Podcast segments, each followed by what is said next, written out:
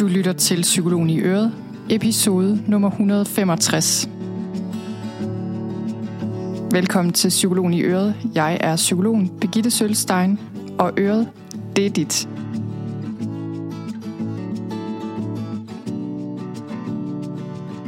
Velkommen til den her episode, som er en samtale mellem mig og så psykolog og forfatter Mette Bratland. For et godt stykke tid siden faktisk, der læste jeg Mettes bog Kvartvejskrise om at finde vej ind i voksenlivet. Og det er altså en virkelig god bog. Den er rigtig god, der er masser af godt indhold i den, og så er den altså også virkelig godt skrevet. Jeg kan så meget anbefale den, hvis du er ung, voksen selvfølgelig, men også bare hvis du er et menneske, i det hele taget, og er i krise, fordi jeg synes simpelthen, der er så meget af det, Mette skriver om i bogen her, som jeg føler gælder for os alle sammen. Og jeg vil virkelig ønske, at jeg havde læst Mettes bog, da jeg var yngre. Hun har jo først lige skrevet den her for et par år siden, så det kunne jeg ikke i sagens natur. Men det vil jeg virkelig ønske, og derfor vil jeg også opfordre dig derude, der lytter med, til lige at overveje, om du kender nogen. Kender du en ung eller en ung voksen, der kunne have glæde af den her bog? Så øh, tænker jeg, at det ville være en rigtig god gave at give. Men inden vi hopper over til samtalen, så lige lidt mere om Mette Bratland. Hun er psykolog, hun er også forfatter selvfølgelig. Hendes bog, den første bog, hun har skrevet, er denne her, vi taler om i dag, Kvartvejskrise om at finde vej ind i voksenlivet.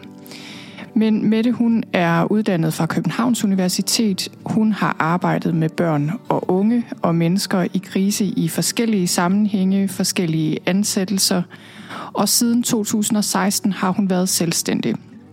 Hun har praksis i København, hvor hun også bor med sin mand og deres tilsammen fire børn. Og jeg synes simpelthen, vi havde så meget at tale om. Og jeg håber, at den gode stemning, jeg synes, der var i samtalen, og den fælles forståelse og gode kemi, den skinner igennem ud til dig, der lytter med. I den her samtale, der taler vi lidt om Mettes vej til psykologfaget, fordi det synes jeg altid er interessant at høre, hvorfor psykologer blev psykologer. Og så øh, taler vi om selve processen med at skrive bogen, og også hvorfor Mette netop skriver om det her emne kvartvejskrise. Så taler vi om, hvad en kvartvejskrise er. Vi kommer ind på, hvad det er for nogle udfordringer, hvad det er for nogle usynlige udfordringer, som unge er op imod i dag, som vi, der er lidt ældre, kan have svære ved at se og kan have svært ved at forstå. Vi taler om, hvad problemet er, når de unge får at vide, at de bare skal mærke efter og gøre det, de har lyst til. Vi taler om sociale medier, som også er et rigtig vigtigt emne, og jeg kan rigtig godt lide Mette, hun kalder de sociale medier for en lang reklamekampagne for ydersiden af vores liv, og det synes jeg er en meget rammende beskrivelse. Og så taler vi om, hvad man gør helt konkret, hvis man står midt i en kvartvejskrise eller midt i en krise i det hele taget. Så det her er en samtale, øh, hvor vi kommer ind på nogle rigtig vigtige ting, synes jeg, og jeg håber, du får noget ud af at lytte med her. Lad os hoppe over til samtalen.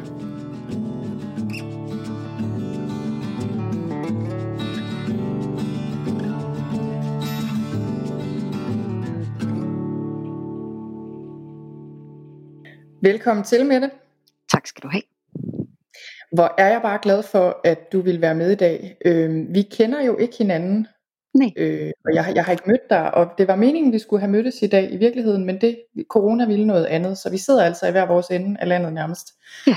Og, og jeg tænkte på, i dag skal vi jo snakke om, øh, om din bog, om det her emne kvartvejskrise, og, øh, og ting, der, der er relateret til det, og det glæder jeg mig rigtig meget til. Men inden da kunne jeg godt tænke mig lige at spørge dig om noget, som, øh, som jeg faktisk altid synes, det er spændende at snakke med andre psykologer om, mm-hmm. nemlig hvorfor er du psykolog? Øh, ja, det, det er i virkeligheden en lidt snørklet vej, der har ført mig hertil, fordi jeg var i virkeligheden i gang med at uddanne mig til jordmor, og var, øh, var ret langt i den uddannelse. Øhm, men allerede inden jeg startede på det studie, der blev jeg skilt fra min første mand, og, og stod faktisk okay. og var, havde to små børn, så jeg vidste godt, at det nok ville blive op ad bakke. Ikke bare at mm. uddanne mig til jordmor, men også at leve som jordmor, når jeg havde to små piger. Øhm, men jeg kæmpede ret langt med det, og, og kom i virkeligheden til den, til den sidste lange praktik, som jeg så ikke kunne overskue, og det fik tvunget mm. mig til at, at være nødt til at tænke over, hvad, altså, hvad skal jeg så? Og, ja. og der tror jeg, det gik op for mig, at, øh, at i virkeligheden, så det jeg ville med jordmorværet, var i virkeligheden det der møde med folk på et meget intenst tidspunkt i deres liv. Ja. Og det at kunne få lov at være tæt på nogen, mens noget så vildt sker. Og, Ja.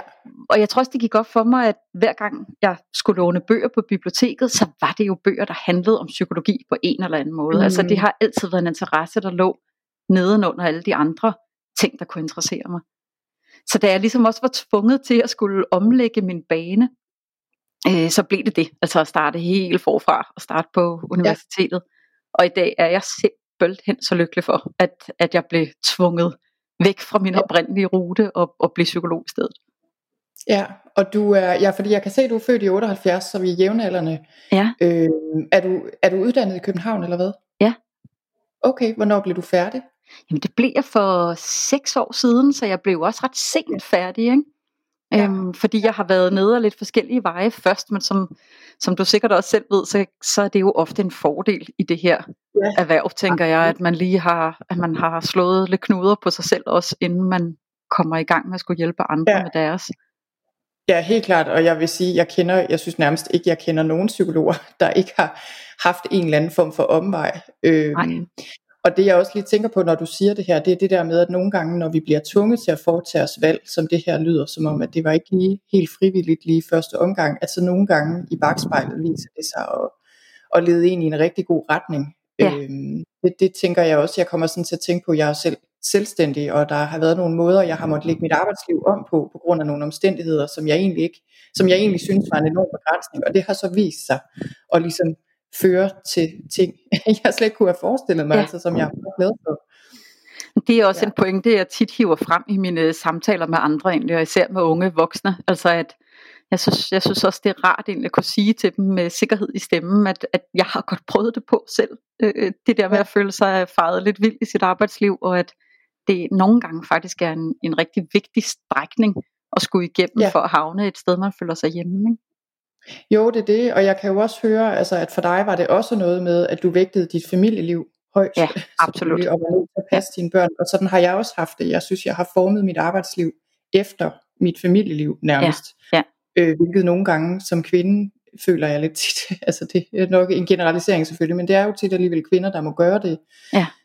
Det har været op ad bakke nogle gange, men jo også i sidste ende øh, giver det jo bare mening, altså. Ja, helt klart. Så øh, ja, så du, så du blev psykolog, øh, hvilket jo er rigtig godt, fordi så kunne du have, så kunne du skrive den her bog, som Ja. jeg sidder med. Ja. Som jeg synes, altså jeg må sige, jeg synes den er virkelig god. Jeg har læst, øh, jeg har læst den, og jeg synes, det sagde jeg også til dig, inden vi lige hoppede på og, og begyndte at optage her, at jeg synes simpelthen, den er super godt skrevet. Altså, ud over selve indholdet, så skriver du virkelig godt, så alene det synes jeg gør den værd at læse. Jamen, tusind Men, tak, øh, Birgitte.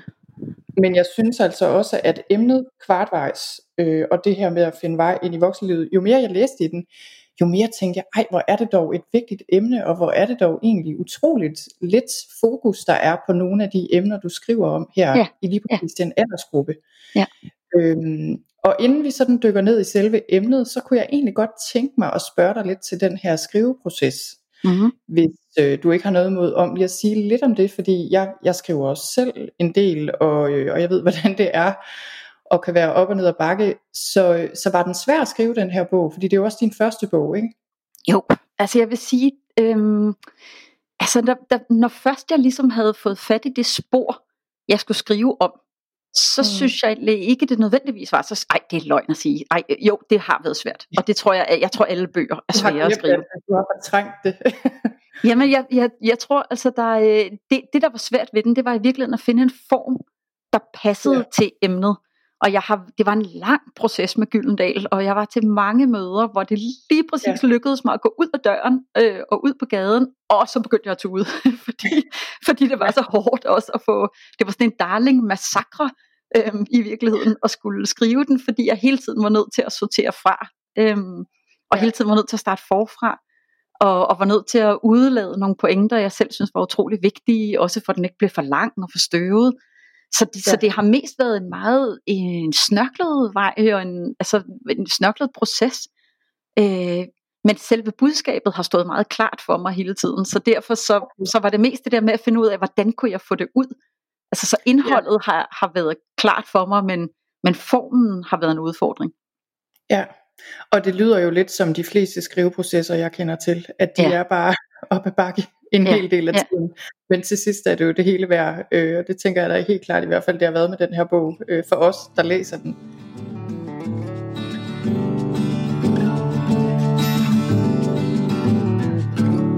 Så det, jeg godt kunne tænke mig at spørge dig om her til en start også, det er, hvordan kan det være, at det lige præcis var det her emne, du, øh, du endte med at skrive om? Fordi man, man kunne jo selv, man kunne jo skrive en bog om meget, og, øh, og jeg sad og tænkte på undervejs, da jeg læste den her, om hvordan, kan jeg vide, hvordan det, hvordan det kan være, det lige præcis er det her emne, kan det være, du ved, du selv havde en kvartvejskrise, nu ved jeg godt, at vi voksede op i lidt en anden tid, men altså, hvordan, eller tænker du, at, at det var, ja, at det er udelukkende på grund af dine klienter, du har skrevet den, hvor kommer det fra?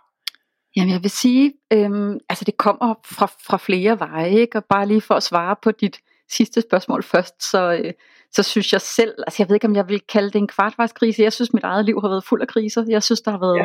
altså jeg vil ved Gud ikke have lyst til at blive spolet tilbage til at være hverken 15 eller 20 eller 25 år i dag. Øhm, Nej. Men det har helt klart mest været det, at det har i ret høj grad været den samme gruppe mennesker, der har opsøgt samtaler hos mig. Mm. Øhm, det har faktisk ikke så meget været mig, der tænkte, gud, det var en fix idé, det her med, at jeg skal være sådan en psykolog, der taler med unge voksne.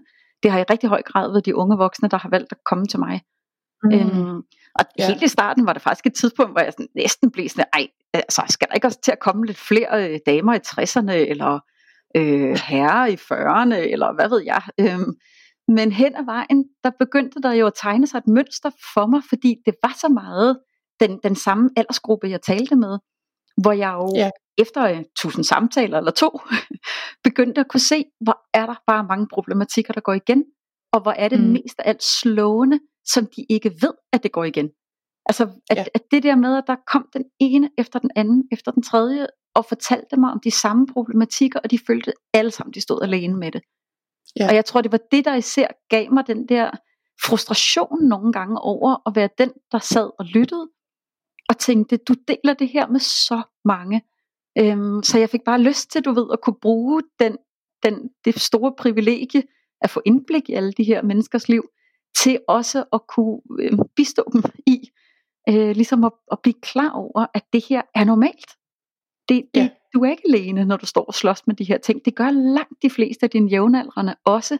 I er bare måske ikke så gode til at, at dele det med hinanden. Ja, Ja, og, og jeg kom til at tænke på, altså jeg tænkte også, da jeg læste den her bog, at det kan godt være, at den er skrevet om øh, den, de her unge voksne i 20'erne og 30'erne, men jeg tænker, at rigtig meget af det er relevant for alle som du også siger, ikke? Altså man har ja, jo kriser. Livet igennem. Det er jo ikke fordi det stopper bare fordi man bliver 30 eller 40. Nej. Øh, så jeg føler, der er noget meget almindeligt i den her bog, og du siger også, jeg kan ikke huske om du skriver det i bogen, eller om det var det andet sted jeg læste, hvor du sagde det der med, at din vision med, med den her bog er at få unge voksne til at føle sig mindre forkerte. Ja. Øh, og at bare fordi man har det svært og kæmper i livet, er jo ikke ens betydende med, at man ligesom er slået fejl, eller at der er noget i vejen med en. Og det, det føler jeg var noget, der resonerede meget, og det er også noget af det, jeg kan genkende meget fra mit arbejde. Præcis som du siger, det er bare lidt med en anden målgruppe. Jeg arbejder rigtig meget med ja, voksne folk, der måske er lidt ældre generelt, ja. men også øh, ja, folk, der er ramt af især stress og også angst og, og sådan ja. almindelige ting i virkeligheden. Men den der fornemmelse af at føle sig forkert, øh, og jeg kender den jo også fra mig selv. Men, ja, øhm, det gør jeg også. Men jeg, har nogle gange, ja, men jeg har nogle gange tænkt på, at vi som psykologer, vi har den fordel, at vi har et mere realistisk billede af, hvordan folk går og har det. Ja, ja. Man er ikke helt, jeg tænker, vi har en fordel der, du ved, så vi har lidt et mere et bedre adgang, måske ja. alligevel, til det. Helt, helt klart, og jeg, jeg tror også, det var det, der, øhm, der pludselig kom til at føles næsten som en forpligtelse. Øhm, ja. Altså at, at det at være en af dem, der får lov til at, at blive lukket ind bag facaderne, eller blive lukket ind i sådan de lidt, de lidt de lidt mere ømme gemakker på en eller anden måde. Ja. At det, øh, ja, det føltes forpligtende at, at være med til at fortælle, at, ja, at det i virkeligheden er nogle tilstande, de fleste mennesker støder på.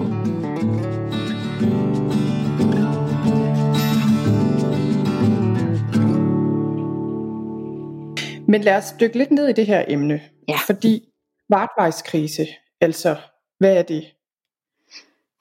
ja, det kan jo selvfølgelig være mange forskellige ting, og det kan jo selvfølgelig føles forskelligt fra menneske til menneske.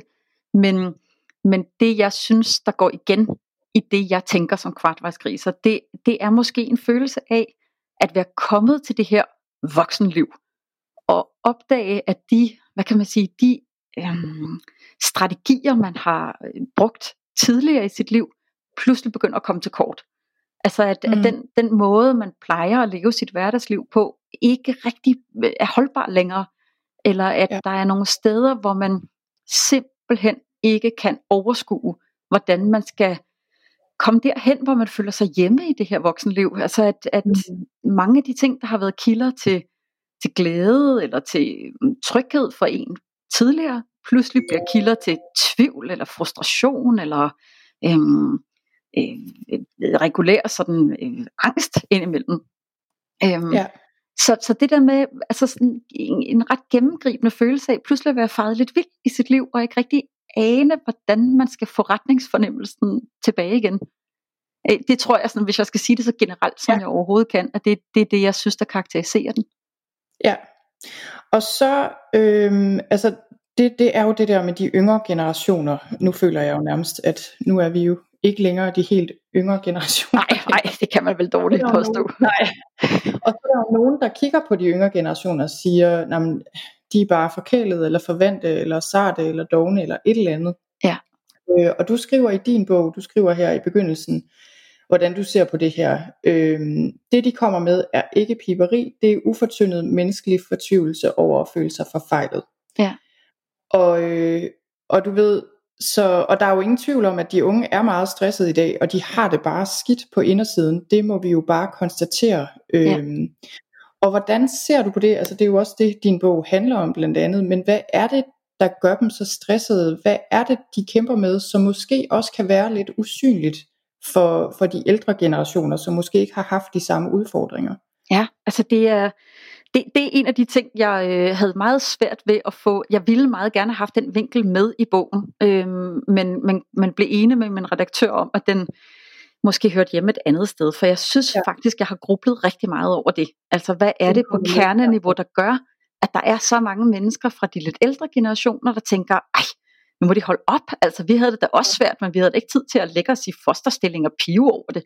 Øhm, og jeg tror faktisk, at jeg, på et tidspunkt så kom jeg til at, at sidde og kigge på gode gamle Maslows behovspyramide, du ved. Og den går jeg ja. ud fra, de fleste mennesker har stødt på før eller siden.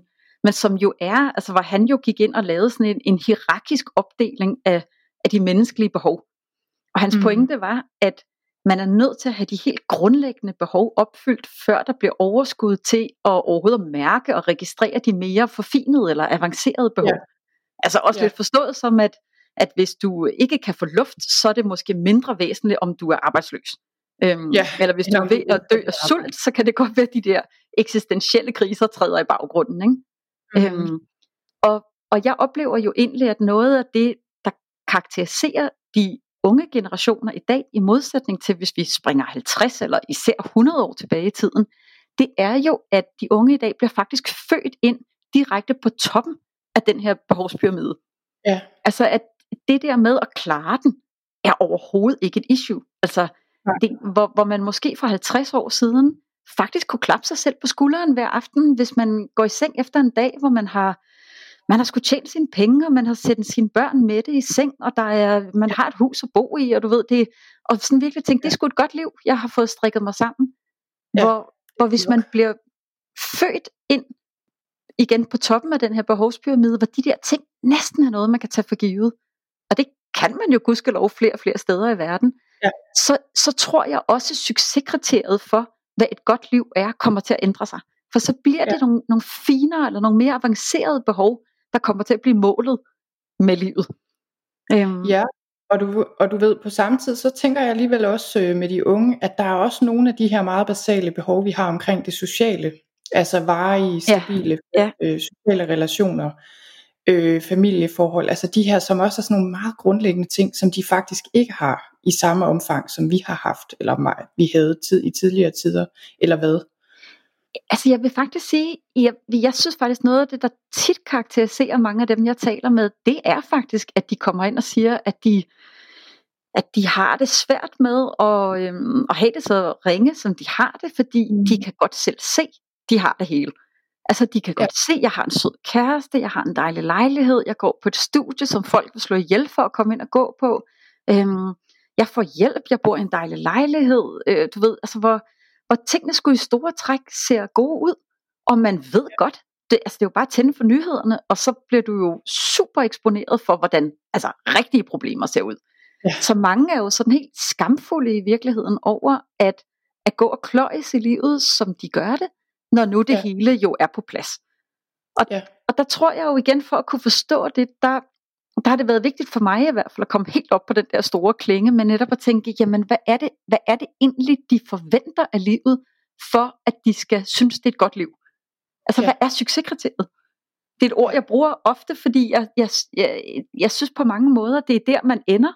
Øh, når som helst man virkelig skal blive klog på en problematik, hvad er det i sidste ende, man tillægger værdi? Hvad er det i sidste ende, der skal fortælle en, at det er et godt liv, man lever, og ikke et forkert?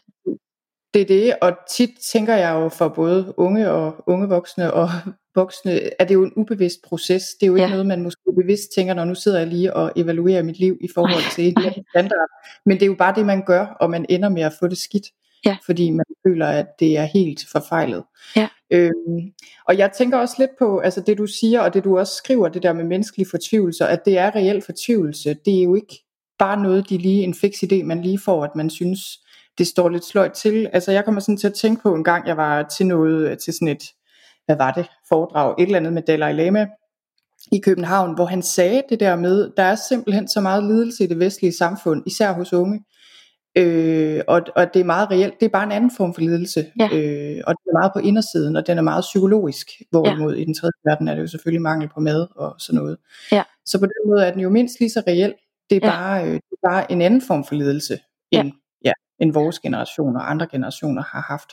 Det er en meget vigtig pointe for mig også, at slå fast, altså at når, når jeg sidder og taler med de her unge voksne, så har jeg ikke følelsen af, at det er nogen nogle forkælede, øh, forvente øh, piverter. Og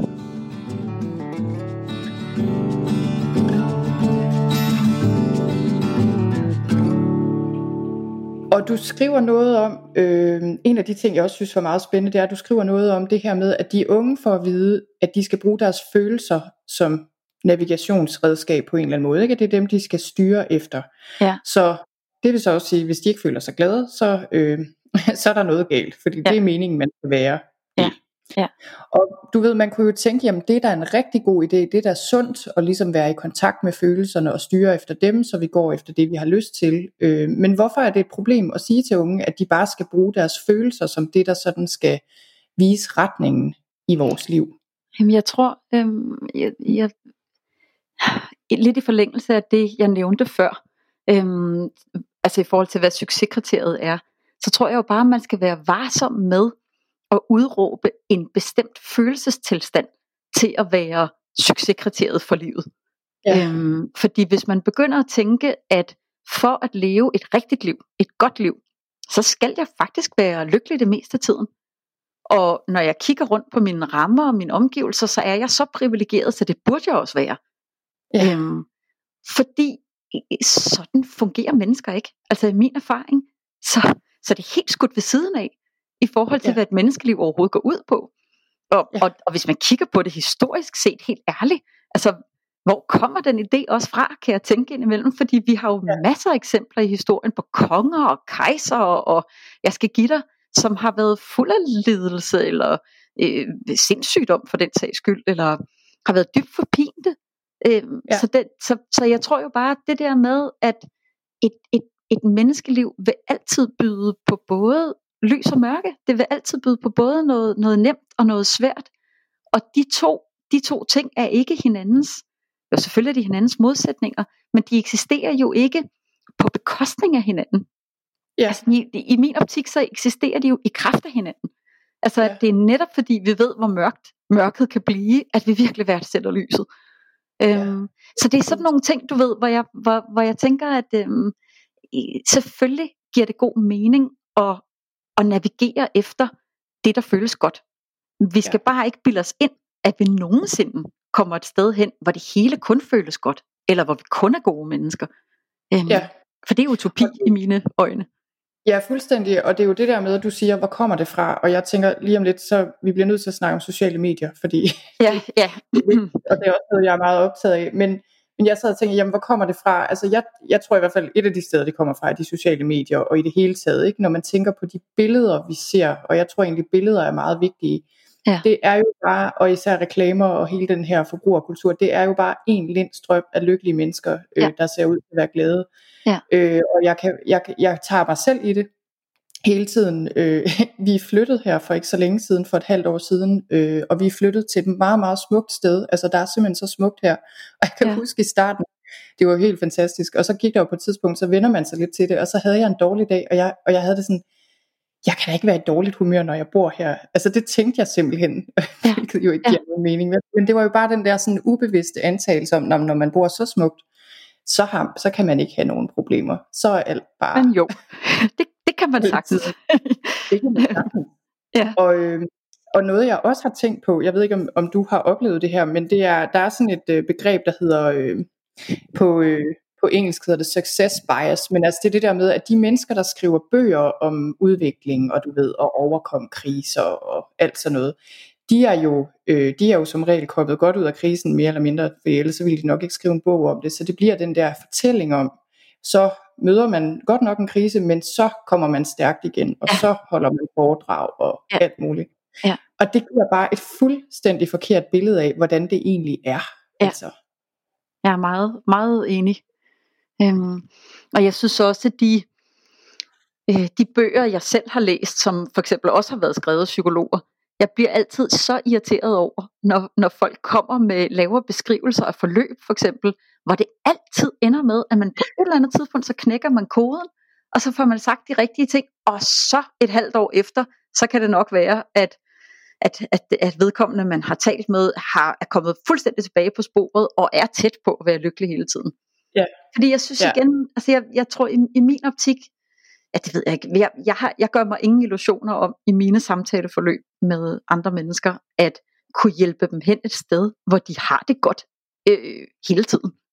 Nej. Fordi Nej. Jeg går bestemt ud fra, at vi som mennesker, hvis der er noget svært i ens liv, hvis der er en grund til at have det svært, så reagerer vi også med svære følelser. Og så længe Ja. de grunde er der, så vil de svære følelser også være der. Og det er faktisk unfair og decideret umenneskeligt at forvente andet. Ja, så målet er jo ikke at, at øh, få dem et sted hen, hvor de altid er okay, men netop som du også siger, ikke? at erkende, jamen det, jeg er faktisk okay som Ja. menneske, også selvom jeg ikke har det godt. Øh, Ja, fordi så kan det svære få lov til at være svært. Og det vil det være, uanset hvor mange søde, dygtige, kloge, kompetente psykologer man taler med. Det vil stadig være svært. Men måske kan man faktisk godt ændre på den der følelse af, at det er forkert. ja. Oven i hatten, ikke? Ja, og det er jo det der med, fordi jeg tror, at den skam der, der ligesom kommer hen over det hele, øh, det er den, der skaber problemerne. Og jeg, øh, jeg hørte lige et interview med en, der hedder Sharon øh, Salzberg, jeg ved ikke, om du kender hende, hun er sådan en Nej. mindfulness loving kindness Ja. øh, dame fra USA. Og hun sagde det der med, at tit så det vi gør, det er, at vi læner os ind i skammen, i stedet for at læne os ind bare i smerten over det, Ja. der nu er svært. Ja. Så, kommer det, så det er ligesom om, så hænger vi fast der. Ja. Og det synes jeg er meget rigtigt, ikke? At Jo. det er jo ikke fordi, der ikke er noget, der er svært, men det er bare, at noget af det, der er svært, øh, noget af det, vi kan gøre noget ved, det er den skam der. Ja. Den er egentlig unødvendig. Ja. Ja, det Ja. er virkelig at få et spot til skade, ikke? Når man, Jo. når man ovenikøbet begynder at, at altså, og, og der er jo også mange, der praktiserer det her med, når man har det sværest, at så begynder man faktisk at sparke til sig selv ovenikøbet, ikke? Ja. Og sige, ej, kan du ikke engang det? Eller, gud, hvor er det sølle, altså, at du, at du ikke engang kan præstere det her. Prøv at se, hvor meget bedre det går for alle de andre. Og det er jo virkelig strengt, når man selv er afkræftet og udmattet. Altså, så, så skal man sgu ikke sparke til sig selv, når man allerede ligger ned. Så, så bør man faktisk prøve at hjælpe sig selv til at kunne komme til kræfter og, og blive, få lidt hvile eller få en pause. Ja. Øhm, Ja, det er det.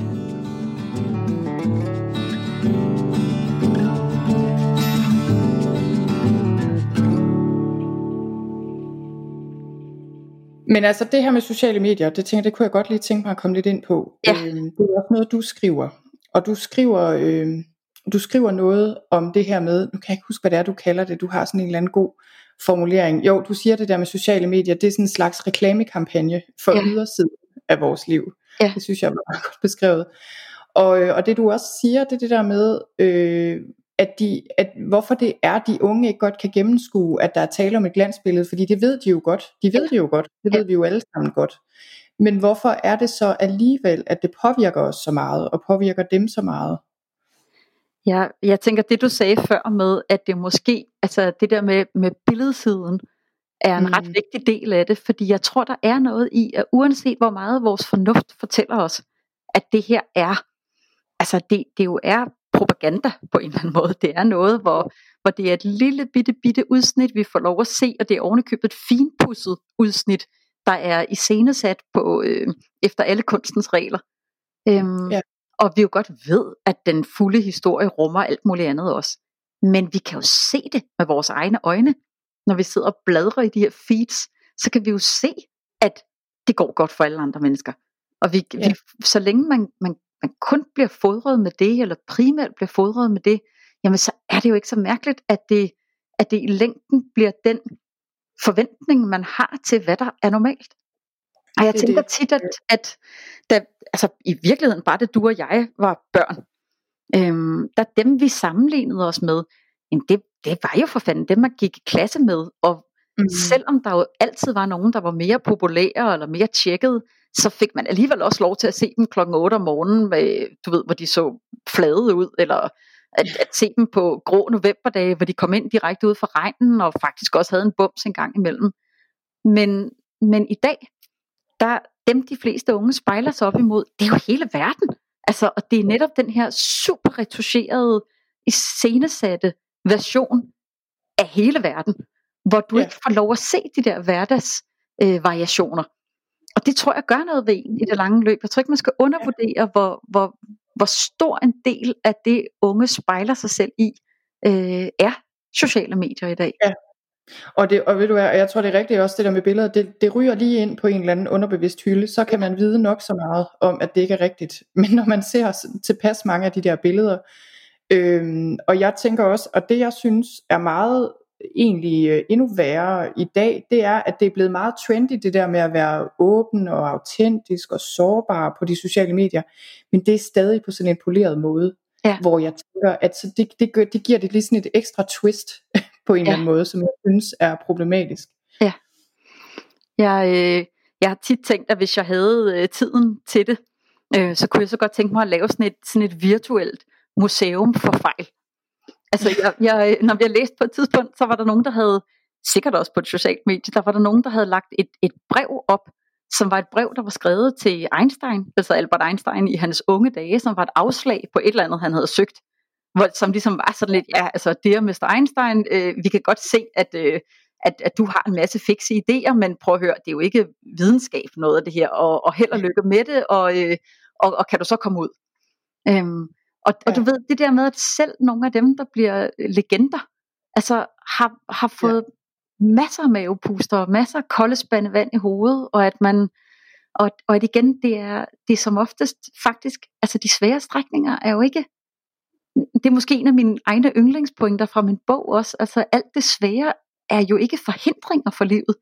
Det, det, det er en fuldbyrdet del af livet, og det er faktisk en meget vigtig del af livet. Fordi ja. det er jo tit i de svære strækninger, at man får, at man faktisk får en, en, en fornemmelse af sin retningssans, eller sine værdier, ja. eller styrkeforholdene, eller, øhm, eller, eller sin egen robusthed for den sags skyld. Ikke? Ja. Jo, og det er også, jeg kommer også til at tænke på, det har også meget med succeskriterier at gøre, som du også sagde i starten. Jeg kommer lige til at tænke på altså familien, ikke? og også som familie. Jeg tænker jo, nogle gange har vi jo de der stunder, hvor det bare er, og sikkert vil ligne udefra noget, hvor vi bare hygger os og har det rigtig godt, og farmorbørn og alle glade. Lige, det kommer lige et splitsekund en gang imellem. Ikke?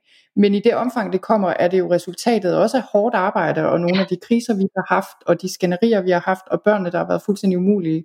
Ja. Og så at vi altså, har taget os selv seriøst og arbejdet os igennem det på en eller anden måde, så vi, vi er havnet et sted, hvor vi også har det der en gang imellem i glimt. Ja. Men det er jo ikke noget, du kan planlægge og det, det, det, og det er heller ikke altid, man kan se det udefra nødvendigvis. Nej. hvad, hvad, der, hvad der egentlig er en succes som familie for eksempel. Ja, jeg, jeg er meget enig, og jeg genkender meget af det, du siger.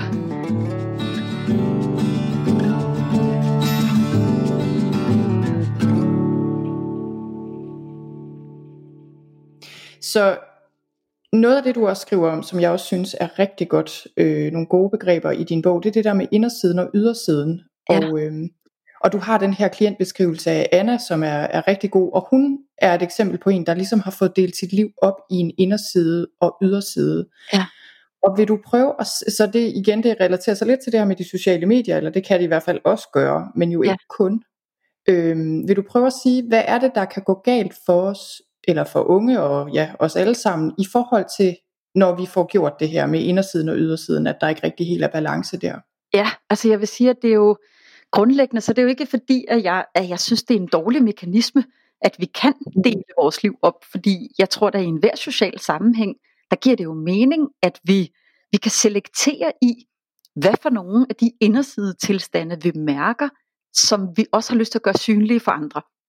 Ja. Øhm, fordi hvis alle folk kunne se alt om os hele tiden, altså så vil det der sociale liv, der i forvejen er svært at navigere i, det vil formodentlig blive fuldstændig umuligt at navigere i. Ja. Så det der med, at vi jo, vi jo også kan vise velvilje ved, at vi, at vi redigerer i os selv. Altså vi, der er nogle sider, vi, vi, vi viser frem og flasher, og så er der nogle, vi lige holder tilbage på for fællesskabets skyld. Ja. Øhm, og det er smart, at vi kan det. Men ja. i det lange løb, så hvis man begynder at blive så hyperbevidst om, hvad det er for en yderside, man viser andre mennesker, og hvis man får en forventning om, at de må ikke kunne se noget dårligt på den yderside, så begynder mm. det jo lige pludselig at blive et censurapparat, hvor man, hvor man på rigtig mange måder får gjort de inderside tilstande, som jo findes af gode grunde, og får gjort dem forbudte, eller forkerte, eller illegitime på en eller anden måde, fordi ja. øh, vi tror ikke på, at omverdenen kan tåle dem, eller kan acceptere dem. Og ved at vi, ved at vi ligesom holder igen på dem, og, og ikke vil vise dem til andre mennesker, så får vi jo også bekræftet over for os selv, at de er forkerte. Ja. Og det er jo en, en meget effektiv måde at få, få kilet sig selv op i sådan en eksistentiel krog på. Fordi hvis der pludselig er, altså hvis det pludselig er 75% af de følelser, vi naturligt går rundt med, der er blevet gjort forkerte, og, og er blevet gjort til noget, der kan true vores sociale relationer, så er det svært at gå rundt og føle sig godt tilpas i, i hverdagen, uanset hvor stor en swimmingpool man har i haven, eller, eller hvor mange penge der står på kontoen. Ikke? Ja, det bliver noget med, at man hele tiden sådan skal passe på, at man ikke afslører sig selv. Ikke? Ja. Øh, det, det er jo totalt anstrengende. Og meget angstbetonet i virkeligheden. Altså jeg, jeg tror helt ja. klart, at noget af det, altså at det her er en stor del af årsagsforklaringen på, hvorfor der er så mange, der lever med angst i dag, fordi man, ja. man går og er så super øhm, selvmonitorerende hele tiden, og det føles regulært truende, hvis ikke man får taget sig selv i og holde igen på alle de der ja. forkerte tilstande, ikke? Så, de, så de pludselig kunne kile sig ud, og andre mennesker kunne se dem, og, og så, så ved vi ikke, hvad der så kunne ske.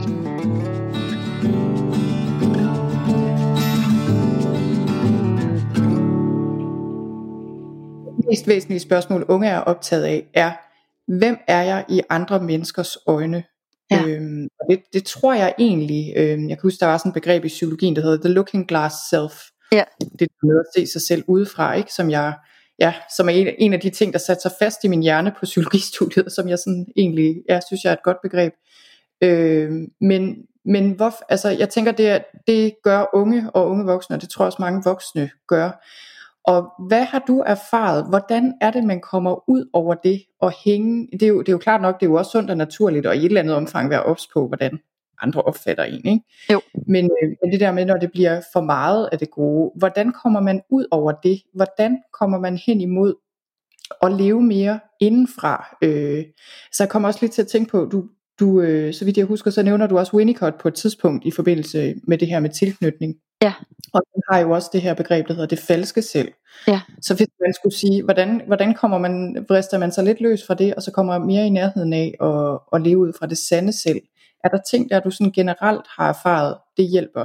Ja, det synes jeg faktisk. Øhm, og, jeg, og jeg, jeg oplever, hvis jeg, hvis jeg lige må, må, må springe ud sådan igen på, på en lidt større klinge og starte der, så oplever jeg jo endelig, at langt de fleste af os i det her samfund i hvert fald, bliver opdraget til, at det er, øh, det er høj kurs menneskeligt set at, at tage ansvar for ting, der, der ligger uden for os selv. Altså, mm. du ved, sådan noget med at tage hensyn til andre mennesker, eller at være punktlig og møde tiden, eller at øh, aflevere opgaver til tiden, eller kunne behovsudsætte, og at, og at i det hele taget, så bliver, så, så bliver, så bliver det meget fremelsket i os helt fra som, som små af. Det der med, at der, øh, når andre mennesker kan se, at vi tager ansvar, så, så anerkender de det, og, og det er dejligt. Altså, så, så får vi det bedre med os selv. Og igen, det er slet ikke for at sige, at det er forkert, fordi det er der slet ingen tvivl om. Selvfølgelig er der brug for det, og selvfølgelig har vi brug for andre menneskers anerkendelse. Men for mig at se, så er det bare så vigtigt, at man er opmærksom på, at det ikke er det eneste ansvar, der findes. Der findes mm. også et ansvar for ens inderside. Øhm, yeah. Og hvis man, skal tage, hvis man skal tage ansvar for det, så er man nødt til også at tage, altså man er nødt til selv at tage ansvar for sin trivsel. Øhm, ja. Så det ikke er op til tilfældighederne, eller det ikke er op til andre mennesker, om man er i trivsel eller ej, men man er nødt til at bruge sit kendskab til sig selv, til ligesom at få faktisk taget ansvar for, hvad for nogle valg skal jeg tage, hvis min hverdag skal blive så god som muligt. Og jeg tror, det der med at, at få, få, få mennesker med på, at det er altså ikke bare noget, man gerne må. Det er ikke bare noget, man, man godt må tage et hensyn til, til sine inderste tilstande. Det, det er faktisk noget, man er nødt til hvis man ja. skal kunne være et ansvarligt menneske. Altså, så er der nødt til at være en balancegang mellem hensynet til det ydre og hensynet til det indre. Ja.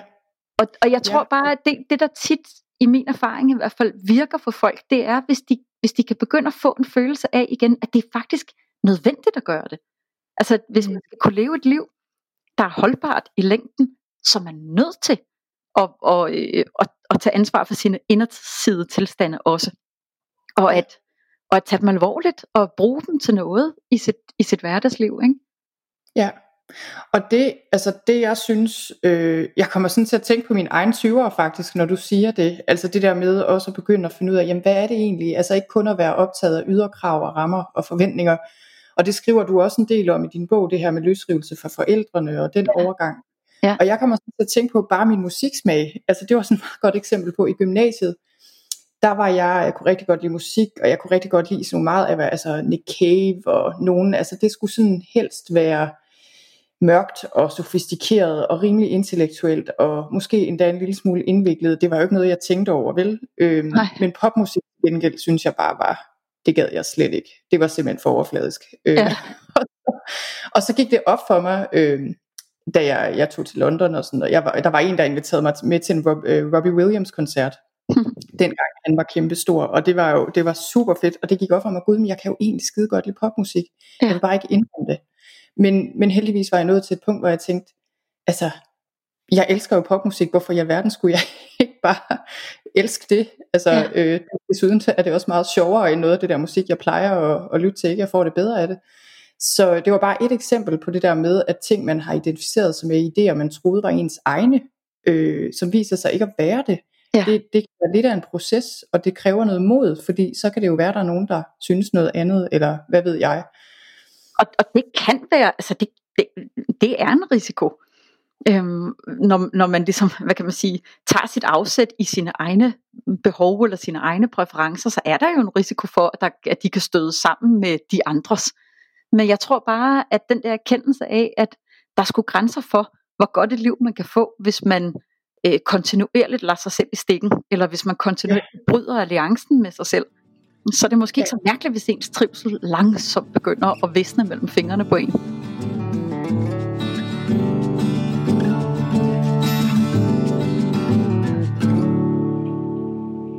Jeg tænker også meget over det her, nu er det mere i forhold til stress, fordi på den ene side, så kan vi sige, og det er jo også det, din bog handler om, at tidsånden, den betyder utrolig meget for, hvordan unge har det. Ja det er jo ikke som sådan deres egen skyld kun. Men derfor har man alligevel selv ansvaret. Og det synes jeg er vigtigt. Ikke? Man kan godt sige på den ene side, jamen det her er ikke nogen skyld. Øh, det meget af det ligger i samfundet. Men, men samfundet kommer jo ikke at redde os. Det kan Nej. vi jo ikke blive nemt på. Altså på, på, på det punkt, der tror jeg også, altså der, der er jeg sådan meget øh, øh, fuldblods eksistentialist i virkeligheden. Og jeg, og jeg tænker virkelig, at ja, at det der med at, at, at tage ansvar for sit eget liv, og at mm. vide, at ja, selvfølgelig vil der altid være nogle faktorer, man ikke kan ændre på, men, men man har som oftest muligheden for at øh, bearbejde måden, man forholder sig til tingene på, eller at man kan, at man alligevel typisk kan finde, det kan godt være, at man ikke kan overvinde de svære ting, der er i ens liv, men om ikke andet, så kan man måske prøve at fokusere på nogle af de gode ting, som man i det mindste har noget at give det modvægt med. Ja. Øhm, så det ikke bliver det eneste, der fylder i ens liv. Altså at man, at man har nogle muligheder for selv at påvirke, hvad der skal fylde i, i ens trivsel og i ens hverdag. Ja.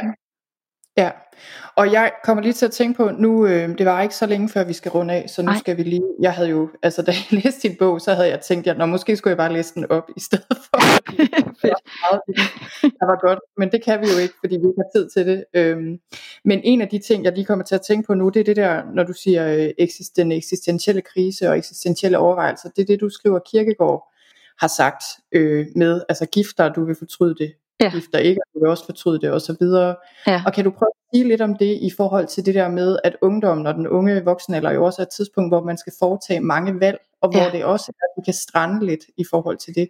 Altså det er faktisk et kirkegård citat, der virkelig holder meget af, og det er jo der, hvor han er mest benhård overhovedet, fordi altså, citatet fortsætter jo med, når man altså le af verdens dårskab, eller græd over den, du vil fortryde begge dele, og i sidste ende, ja. hæng dig eller hæng dig ikke, du vil fortryde begge dele. Og umiddelbart ja. kan det jo godt lyde som sådan et meget dystert, pessimistisk udsagn, men i min optik, sådan som jeg synes, jeg har lært at forstå kirkegård hen ad vejen, så, så kernebudskabet i det, han siger, er jo, at du skal ikke bilde dig ind, at du kan tage et valg, der gør livet nemt. Du, kan mm. ikke, du skal ikke bilde dig ind, at du kan tage et valg, der gør livet rigtigt, eller du kan tage mm. et valg, der aldrig vil give dig anledning til at fortryde det senere hen. Øhm, ja. Fordi det, det svære er uundgåeligt. Det er en livsopgave i sig selv at lære at leve med det svære. Det er obligatorisk ja. pensum. Punktum. Altså, ja. at, at, at det der med, at, at det er så et godt valg, det dur sgu ikke, hvis man, hvis man forbinder et godt valg med at være et valg, der fører en hen til et sted, hvor det hele bliver godt. Ja. Øhm, ja. Og, det, og det tænker jeg bare er en super vigtig erkendelse at have med sig, når, især når man står på et tidspunkt i livet, hvor man skal tage mange store eksistentielle valg. Øhm, ja, det er det. Og jeg tænker også, øh, altså jeg kommer lige til at tænke på også, at de unge i dag, og de unge voksne har mange valg. Og det ja. er jo det, der er så paradoxalt, ikke? fordi øh, det der med, man kalder the paradox of choice, at vi tror, at når vi har mange valgmuligheder, så har vi det nemt, og ja. det er jo bare en luksus. Men det er, det er ikke nemt for os, og vi, er, vi, får det, vi får det ikke bedre af at have mange valg, tværtimod. Ja, og hvis det så ovenikøbet, altså igen, hvis succeskriteriet for at træffe det rigtige valg er, altså vi er ligeglade med, hvad du vælger, øh, du skal bare vælge det, der gør dig lykkelig, eller det, der gør dig glad. Øh, så er den sgu svær, fordi igen, et menneskeliv er aldrig kun glæde eller kun lykke. Så det, ja. der, altså det er et paradoks i sig selv, synes jeg, at hvis man, hvis det er det, man, hvis det er det, man forventer af sig selv, så er det dømt til at føle som en fiasko før eller ja. siden. Ikke? Ja, det er det. Så et, en, en enkelt ting, jeg godt lige kunne tænke mig at komme omkring, øh, som du også skriver om, det er det, du kalder fejlbarlighedens fællesskab. Ja. Øh, for det tænker jeg er meget vigtigt. Måske også i forhold til det, vi snakkede om lidt tidligere med det der med de basale behov, og nogle af de ting, vi virkelig har brug for som mennesker for at kunne trives. Ja.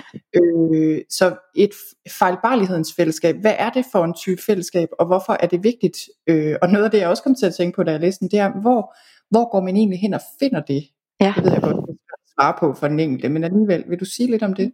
Ja, altså jeg, altså jeg er ikke som sådan en fjende af Instagram for eksempel, som jo i mm. den grad er sådan en form for mm, perfekthedens fællesskab, eller der hvor man virkelig dyrker det, det ideelle, eller den ideelle iscenesættelse. Øhm, jeg synes bare, det er så vigtigt, at det ikke bliver de eneste, den eneste form for fællesskab, man er med i, men at der også et eller andet sted i ens liv findes nogle fællesskaber, hvor man godt må tage sin fejl med sig ind hvor man godt må tage netop sin fejlbarlighed med sig. Altså et fællesskab, der altid står klar til at rumme en fiasko mere, fordi ja. det ved vi alle sammen godt er en del af menneskelivet. Så, ja. så det der med at kunne få lov til at gøre sig nogle håndgribelige erfaringer med, at folk kan holde af mig, også når jeg fucker op. Eller mm. at jeg kan have værdi, også når jeg kvejer mig. Eller når jeg er i læringsproces med noget, og derfor ikke mestrer det fra starten af. Ja. Øh, eller når jeg vælger forkert, og så må træffe valget om igen eller ja, når jeg eller... flipper og er nødt til at sige undskyld, eller øhm, ja. det, det der med at, at igen bare, bare have et fællesskab, der er mere menneskeligt, og, og dermed også er mere indstillet på, at fejl hører med og er vigtige. Og når du siger det der med, hvor går man hen og finder sådan et, altså jeg tænker jo egentlig, at mm, jeg tror man finder det der, hvor man finder et menneske, der er indstillet på det samme. Altså mm. så, snart man, så snart man har at gøre med et menneske, der, der er villig til at, at, at våge og blotte sig tilbage, eller våge ja. at afsløre sig selv tilbage, øhm, så er der faktisk belæg for at danne sådan et fællesskab. Og, og, og i det øjeblik, altså man kan sige, når man møder et nyt menneske, og man tænker, gud, dig kan jeg godt lide, gid vi kunne blive bedre venner, så kommer mm. der jo også typisk et tidspunkt netop, hvor man, hvis man skal vise, at man er interesseret i at forøge tætheden, så er det jo typisk, ved man afslører et eller andet skrøbeligt om sig selv. Mm. Man fortæller ja. et eller andet om noget, der ikke bare er overflade. Man, man, man viser den tillidserklæring, at nu fortæller jeg dig det her, og så ser jeg, hvordan du reagerer. Ja. Og hvis, hvis den anden part godtager det, og også er interesseret i at, at rykke tættere på, så vil de typisk gengælde det med en tilsvarende afsløring om dem selv.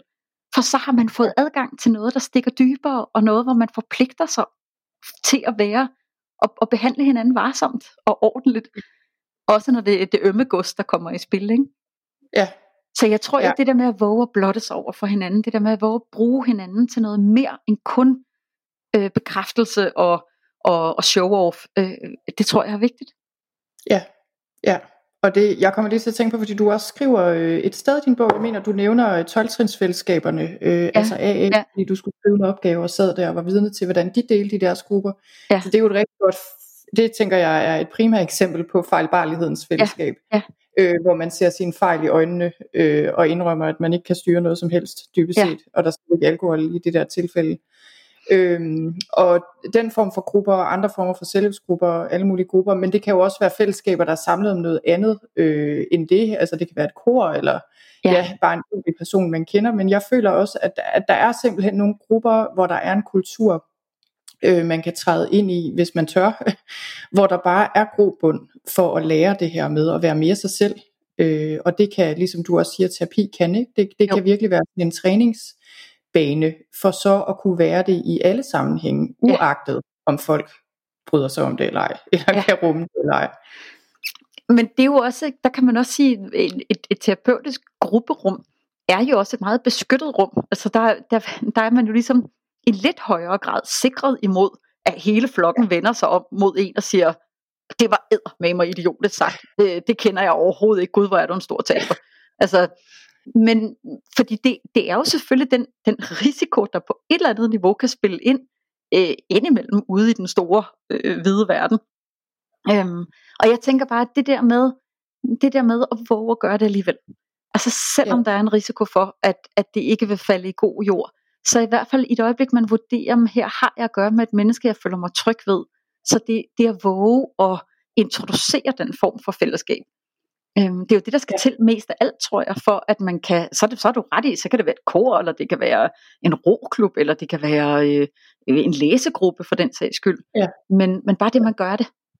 Ja, lige præcis. Og som du også siger, ikke, det er ikke noget, der nødvendigvis bare kommer fra day one. Altså det Nej. kræver noget tid. Øhm, og det er jo også det, ikke, at det, der er en meget større risiko betonet ved at gøre det ude i verden til almindelige mennesker, end en psykolog trods alt. Øhm, jeg kan huske, at jeg selv var ved en psykolog eller en supervisor, men du ved, det var, det var en terapi, og så sagde hun et eller andet til mig med et eller andet med, at jeg havde en masse ressourcer, og det troede, jeg tænkte, det siger du bare, fordi du er psykolog. Ja. jeg, jeg troede ikke på det. Men om det er der bare et eller andet, du siger for at ja, forbedre mit selvværd, eller et eller andet.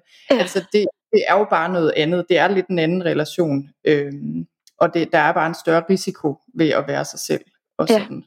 Ja. Men til gengæld så bliver gevinsten måske også tilsvarende troværdig, ikke? Når, den, når den så kommer fra en, der ikke, altså, hvor man ved, okay, du bliver i hvert fald ikke betalt for at sidde her, eller ja. for at støtte mit selvværd. Øhm. Og du har heller ikke tavshedspligt, så... Nej, også det.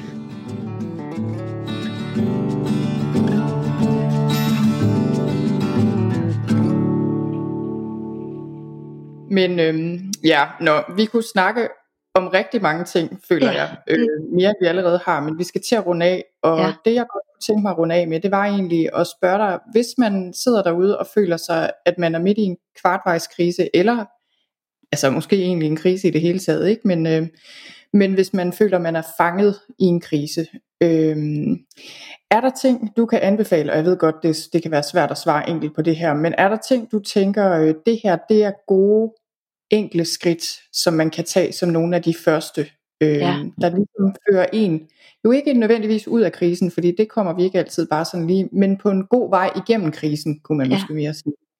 Altså, øhm, man kan jo øh, gå ned til boghandleren og købe min bog, ikke? Ja.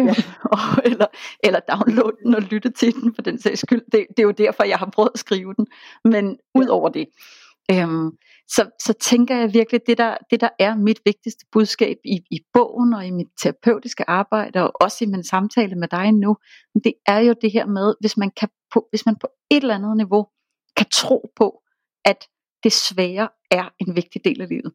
Altså, mm. og at når man står midt i det, så er man faktisk midt i noget af det virkelig vigtige livsarbejde.